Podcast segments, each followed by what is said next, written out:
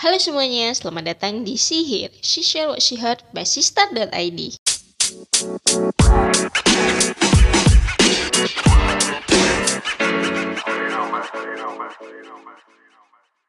Oke, selamat pagi semuanya. Selamat datang di Sihir, She Share What She Heard by Sistar.id. Yeay! Kita perdana nih mencoba semua alat podcast ini. ya dong, punya mainan baru ya, si Start ya. Betul dan mandiri. Nah, hari ini kita mau bahas yang seru-seru aja karena Boleh. Oke, jadi biasanya kan podcast sihir itu membahas eh, perempuan merintis usaha, kemudian ngomongin basi, bahas regulasi, berat kan ya, Bo. Nah, pagi-pagi ini mumpung masih pagi, kita akan membahas masalah yang sebenarnya itu ringan tapi kalau dipikir-pikir nggak ringan ya, Kanat ya. Jadi beban. Jadi beban Jadi bahkan. beban. Oke. Apa sih mau ngomongin apa sih? Kita mau ngebahas stigma apa sih yang ada di masyarakat kalau perempuan itu punya usaha. Emang ada masalah apa? Nah, biasanya ya Kak Nat ya, ini ini biasanya perempuan kalau punya usaha tuh selalu dianggap yang pertama ini yang sering aku denger ya, nggak tahu kalau bener apa salah nih. Dia abai terhadap keluarganya. Mau Jeng, dia udah jeng. merit atau yang belum biasanya Kak Mana Nat. takut ya, cowok-cowok jadi takut ya kalau Nah, punya itu. cewek sukses, punya cewek pintar cari duit, terus uh, yang cowok-cowok insecure gitu ya. Nah, itu Kak Nat. Jangan Selalu gitu. pinter-pinter banget. Eh, iya. nggak boleh cari ilmu setinggi-tinggi apa gitu ya. Nanti cowok-cowok pada takut gitu ya. iya gitu Tuh, biasanya. Itu pada ke mana aja cowok-cowoknya ya. Nah, nah kalau menurut Kak Nat gimana Kak Nat? Oke, eh aku sih nggak setuju ya. Artinya gini, kalau perempuan itu maju di dalam sebuah rumah tangga, di sebuah keluarga, pasti anak-anaknya harapannya juga lebih maju.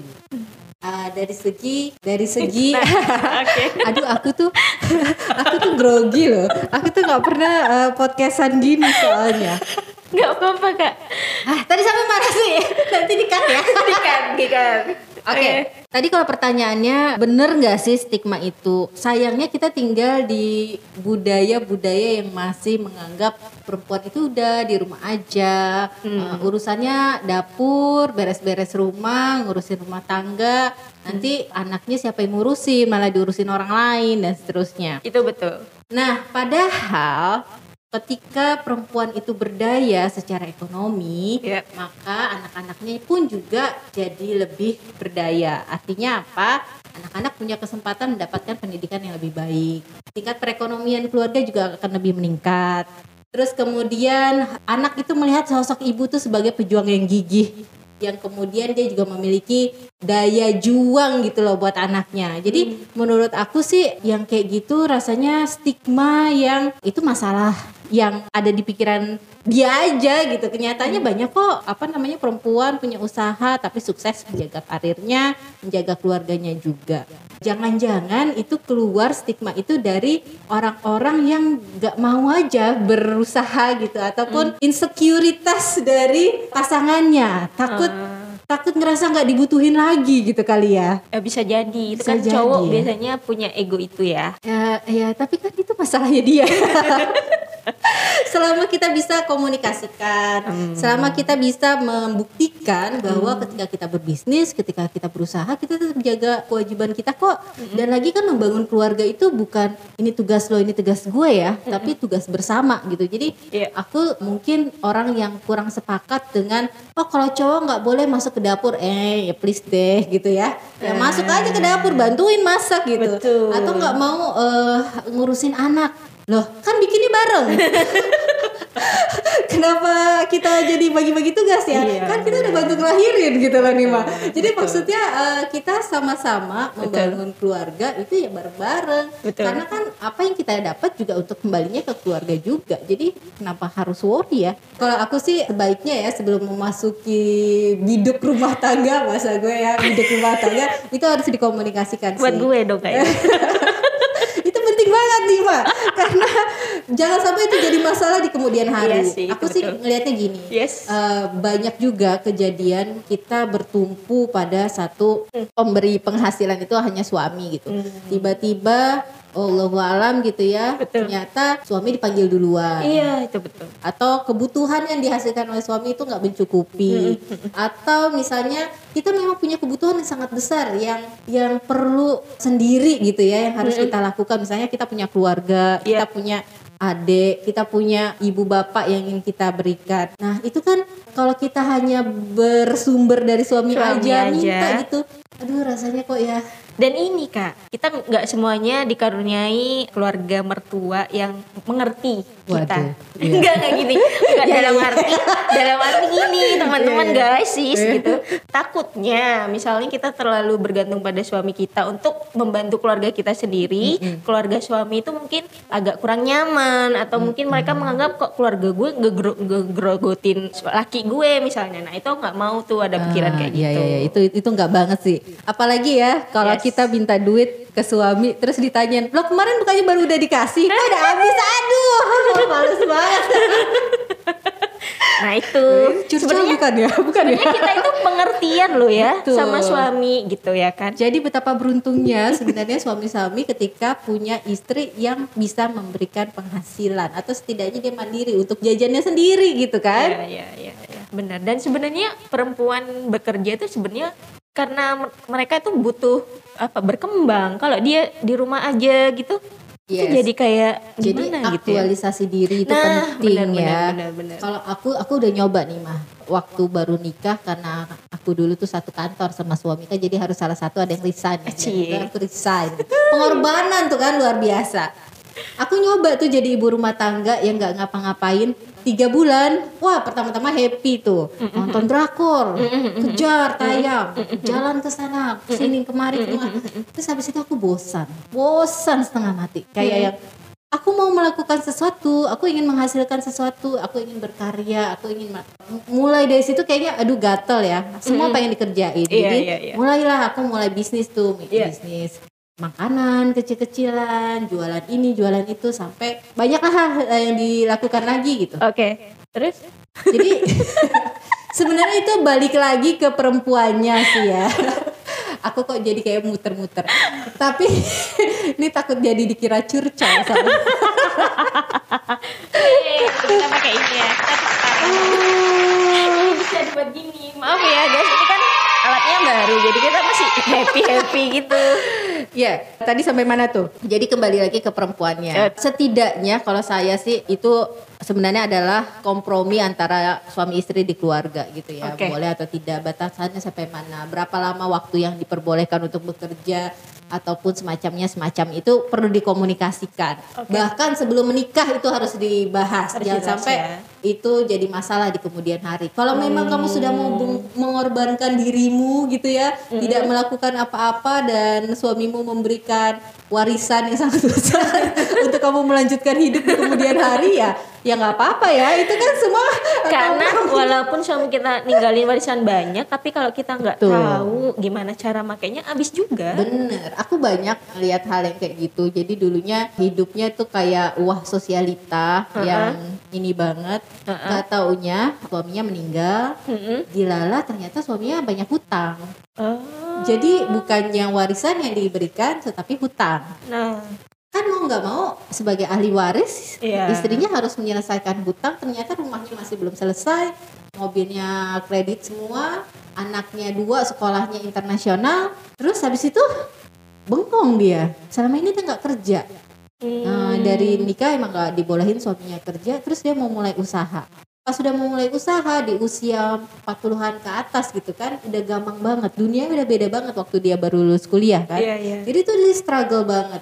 Eh, agak sedih gitu melihatnya karena waktu itu tuh dia tidak dia bahkan ngomong sama aku tuh bilang aku coba dari dulu belajar ya setidaknya belajar menghadapi customer gitu calon customer jualan deh yang kecil-kecil kayaknya itu membantu aku mempersiapkan diriku jadi harusnya itu dilatih karena entrepreneur itu tidak dilahirkan tetapi dilatih, dilatih. Ya, ya, ya, Kak.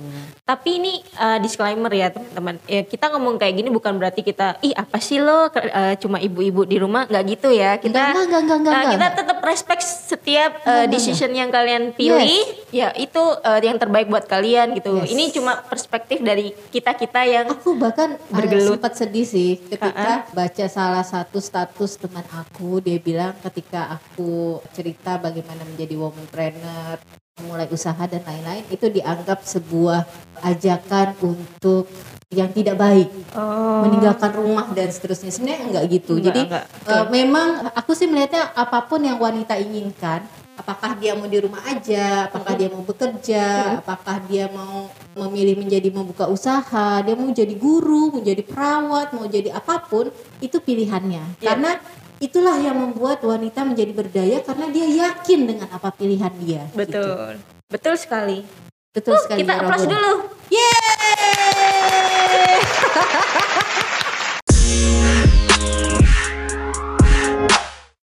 Lanjut ya. Hmm. Kemudian ada stigma lain nih karena tadi kan abai terhadap keluarganya Mm-mm. gitu. Stigma kedua adalah perempuan yang punya usaha itu terlihat bosi, keras, tidak mau kompromi dan cenderung tidak disukai oleh laki-laki atau ditakuti laki-laki. Gimana menurut kakak? Ya jangan mau sama laki-laki yang kayak gitu ya. as simple as that kalau aku mau. Jadi kenapa sih gitu ya stigmanya seperti itu? Karena Ya. perempuan yang memasuki dunia usaha ataupun bekerja lah aku bilangnya ya, yang punya goals dalam hidupnya dia akan struggle dan dia akan berupaya mencapai tujuan itu. Pasti dalam perjalanannya dia menghadapi tantangan, tantangan, cobaan, ujian, challenge gitu ya. Nah, itu membuat dia menjadi lebih yakin, percaya diri dan juga tahu apa tujuannya. Tahu apa yang dia mau.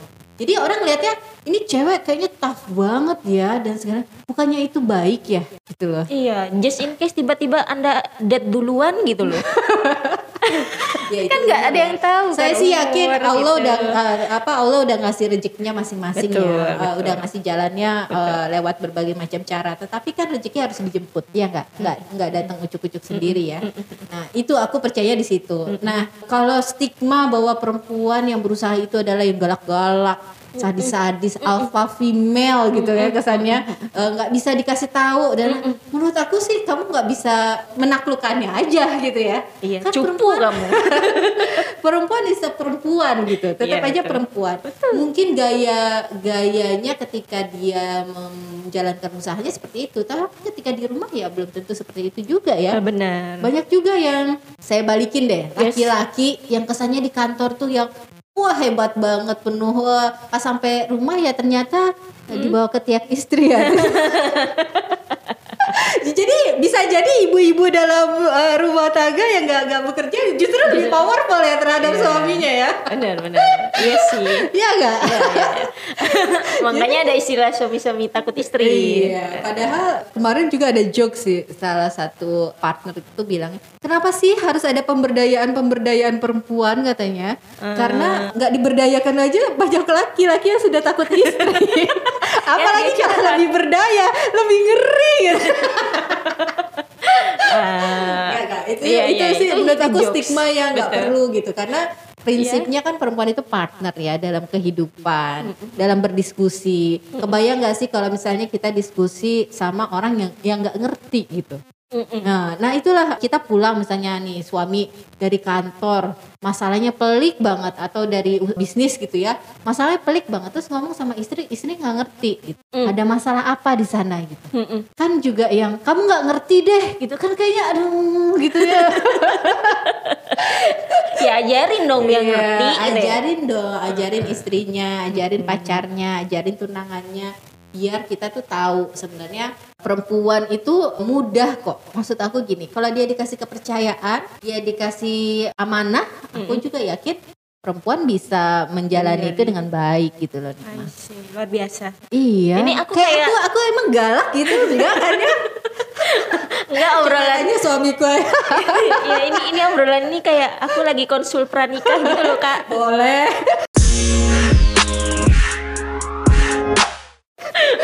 Ya Oke, ampun. nah stigma yang ketiga nih ya, sering ya eh, ada di masyarakat tuh adalah kalau perempuan punya usaha itu mereka itu cenderung sombong dalam arti oh ya udah kalau misalnya ini ya gue bisa beli sendiri. Jadi Gitu ya? kesannya itu mungkin Eh, ini kalau misalnya sudah bersuami gitu ya, misalnya tidak respect lagi sama suaminya misalnya. Ya bukannya suaminya merasa beruntung ya bisa beli sendiri. kan saya kan nggak tahu ya, saya Oh, belum bernikah, oke. jadi saya hanya menyampaikan itu stigma yang ada di masyarakat. Gitu. Hmm, gini, karena nggak semua perempuan itu beruntung punya suami, Suami yang, yang bisa ya. memenuhi kebutuhannya eh, lahir batin, eh, apa urusan surgawi dan duniawi gitu deh. Artinya banyak banget tuh kebutuhan-kebutuhan perempuan kan. Yes. Nggak semuanya bisa dipenuhi sama laki-laki. Hmm. Nah, memang ada stigma atau ada ajaran juga yang bilang apa yang dibawa pulang suami itulah rezeki kita gitu ya. Mm-mm. Tetapi kan kita juga belajar bahwa bahkan kebetulan saya muslim ya. Ya. Eh, kebetulan itu bukan kebetulan sih memang pilihan itu. Pilihan. betul. Apa namanya? Di situ saya diajarkan bahwa Nabi Muhammad sendiri Shallallahu alaihi wasallam istrinya adalah pengusaha. Betul. Khadijah Istri gitu ya. pertama yang Istri paling pertama di, yang beliau mendukung, cintai.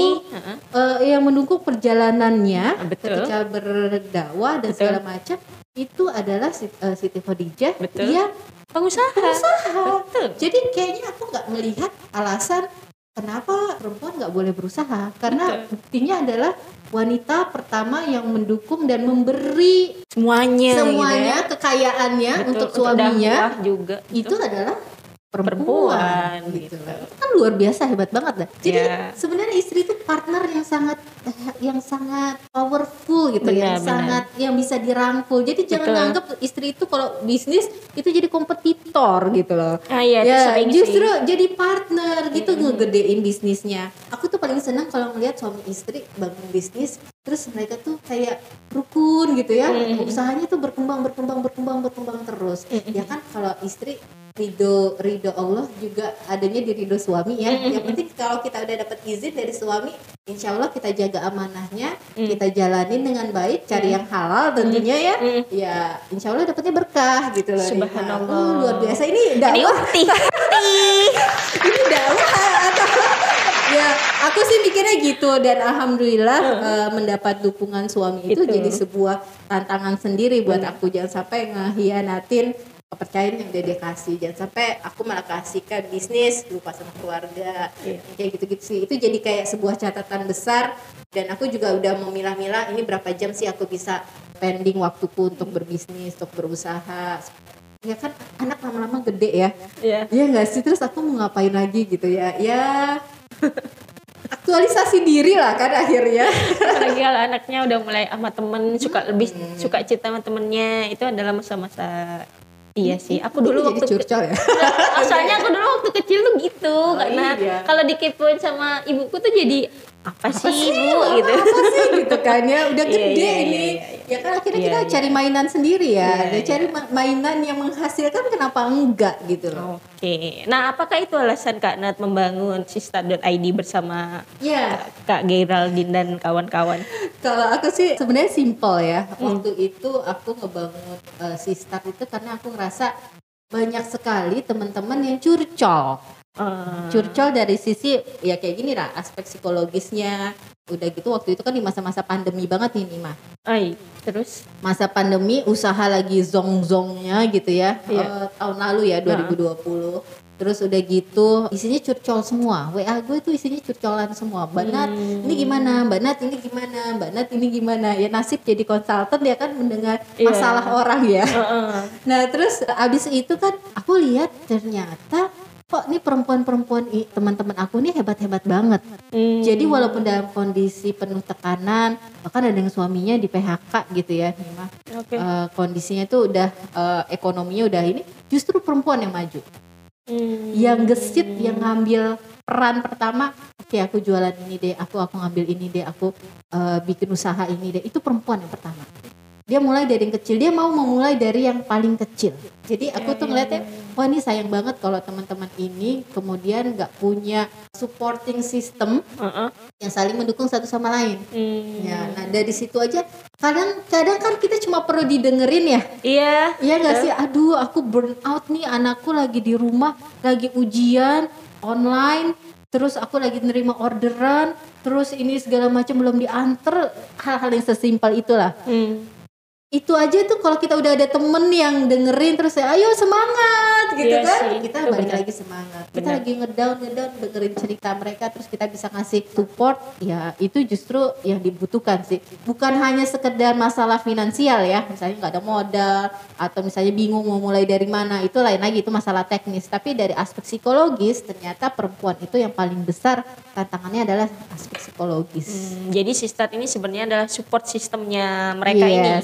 Oh. Dan kita ngelihat banyak juga ternyata yang sebenarnya mereka tahu masalahnya, tetapi masalahnya kebanyakan tidak didukung oleh keluarga ketika mau berusaha. Jadi Eh, mencairkan komunikasi itu sendiri itu adalah sebuah PR yang sangat besar di dalam perempuan bagaimana mengkomunikasikan tujuan goalsnya dia ketika berusaha dengan pasangannya itu adalah PR perempuan di Indonesia.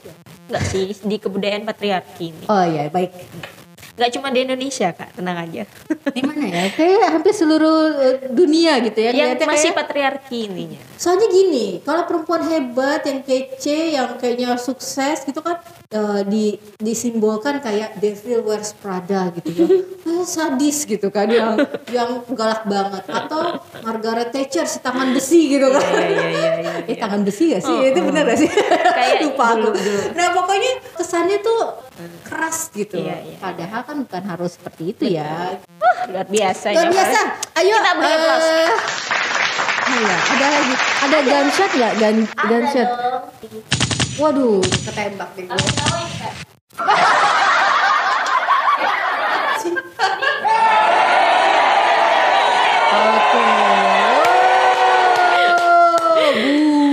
Oke, jadi kakak Sistat udah setahun ya berarti. Hmm. Apa nih batu loncatan Sistat setelah ini kak? Si start itu PR-nya masih banyak.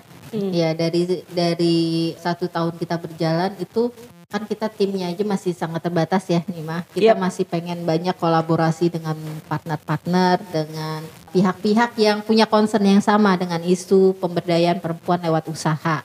Itu yang pertama. Kemudian yang kedua, kita pengen menyemangati dan membuat jalur-jalur komunikasi yang lebih baik lagi buat para anggota kami, gitu kan. Karena jujur nih kita berupaya gimana caranya mereka lebih aktif, mereka bisa lebih banyak program-program, mereka lebih banyak terlibat dalam prosesnya gitu Oke. ya. Eh, itu harapan kami tentunya itu juga perlu waktu, perlu biaya, perlu pendanaan dan seterusnya itu seluruh kegiatan yang kami lakukan. Terus kemudian yang ketiga kami pengen lebih banyak hasil-hasil karya perempuan UMKM perempuan yang kita terutama para anggota Para ini anggota. lebih banyak terekspos, Iya, lebih iya, iya. banyak diterima oleh customer maupun juga harapan kami bisa sampai ke luar negeri gitu ya. Amin. Dong. Karena gitu barang UMKM kita tuh nggak kalah kok sebenarnya. ya. kecil, kecil-kecil banget dan sayangnya banyak yang nggak tahu. Iya betul. Itu dia. Jadi Sistat ini juga bisa jadi gaungnya UMKM ini ya. Iya, jadi kita punya beberapa kanal Yap. untuk bagian hilirnya. Kita punya rumah sistart.id, Mhm. jadi para UMKM perempuan yang mungkin kalau mau mau bikin toko mahal gitu sewanya atau mau eh, bikin toko online eh, nggak tahu caranya dan seterusnya ya Heeh. bisa titip ke kita Bisa. kita yang bantu penjualannya Oke. kita bantu apa ada toko bersama Oke. toko komunitas dan juga penjualan lewat online-nya di rumah. Hmm, itu apakah harus member kah atau gimana? Hmm, nanti kita akan kurasi. Intinya Oh. kami eh, membuka untuk siapa pun. Yang penting ini adalah UMKM yang salah satunya adalah ownernya adalah perempuan. Oh, gitu. Itu sangat oke. penting buat kami karena ingin mendorong perempuan untuk lebih maju lagi. I see. Wah, aku tertarik. kamu boleh kamu boleh eh, di sini buka podcast eh, sewa podcast gitu ya silakan silakan Nah, nah, ini mungkin pertanyaan yang eh, mungkin akan dimiliki oleh para UMKM juga nih. Biasanya kan kalau nitip barang UMKM, identiknya itu kan barang ya yang bisa dilihat. Apakah jasa itu bisa, Kak? bisa Eh. Eh, tapi tentu kita membantu menyalurkan atau mengiklankan jasanya ya Ah, Eh, itu sih yang penting mereka bisa lebih mendeskripsikan apa yang mereka tawarkan Usahanya itu jasanya apa itu ya? apa misalnya Oh, oke. ada salah satu anggota kami adalah konten kreator hmm, dia membuat membantu UMKM untuk ya kan mungkin tangannya udah nggak oh, pegang Iya, lagi ya lah, ngisi konten dan segala macam konten, Ah, ah, ah, juga. itu dia jasa kan Ah, oke, dan oke. itu dia apa juga beriklan di kami gitu artinya atau Hmm. bergabung di rumah sistar Oh, jadi tidak eh, menutup kemungkinan sektor jasa pun itu bisa ya. bisa bisa Oh, namanya oke. juga usaha kan ya produk dan jasa ya Oke oke oke oke. Wah luar biasa ya ibunda ini. Ini lucu banget mainannya Nima yang baru ini ya. Seru banget. Nah eh, karena thank you banget nih hari ini udah Oke. diajak ngobrol-ngobrol. aku juga makasih banget nyobain mainan barunya Seru kan? seru banget Eh, Nah, teman-teman jangan lupa minggu depan mungkin kita akan ketemu lagi sama anggota Sistat. Jadi mungkin bisa Kak Nadia lagi atau mungkin Kak GG atau siapa pun yang mungkin dari Sistat. Jadi kita sembari ngomongin bisnis tapi bisa sambil ketawa-ketawa karena ini kan pagi-pagi ya Bu ya. Jadi Iya. nggak perlu serius-serius. sambil ngopi ayo kita ngopi dulu kamu nggak ngopi ya Iya nih, Bun gimana Bun? Belinya cuma satu. Bun itu nanti konsultasi pranikah nggak jadi konsultasi bisnis aduh Oke, terima kasih para sister and brother. See you next week. Dadah. Annyeong.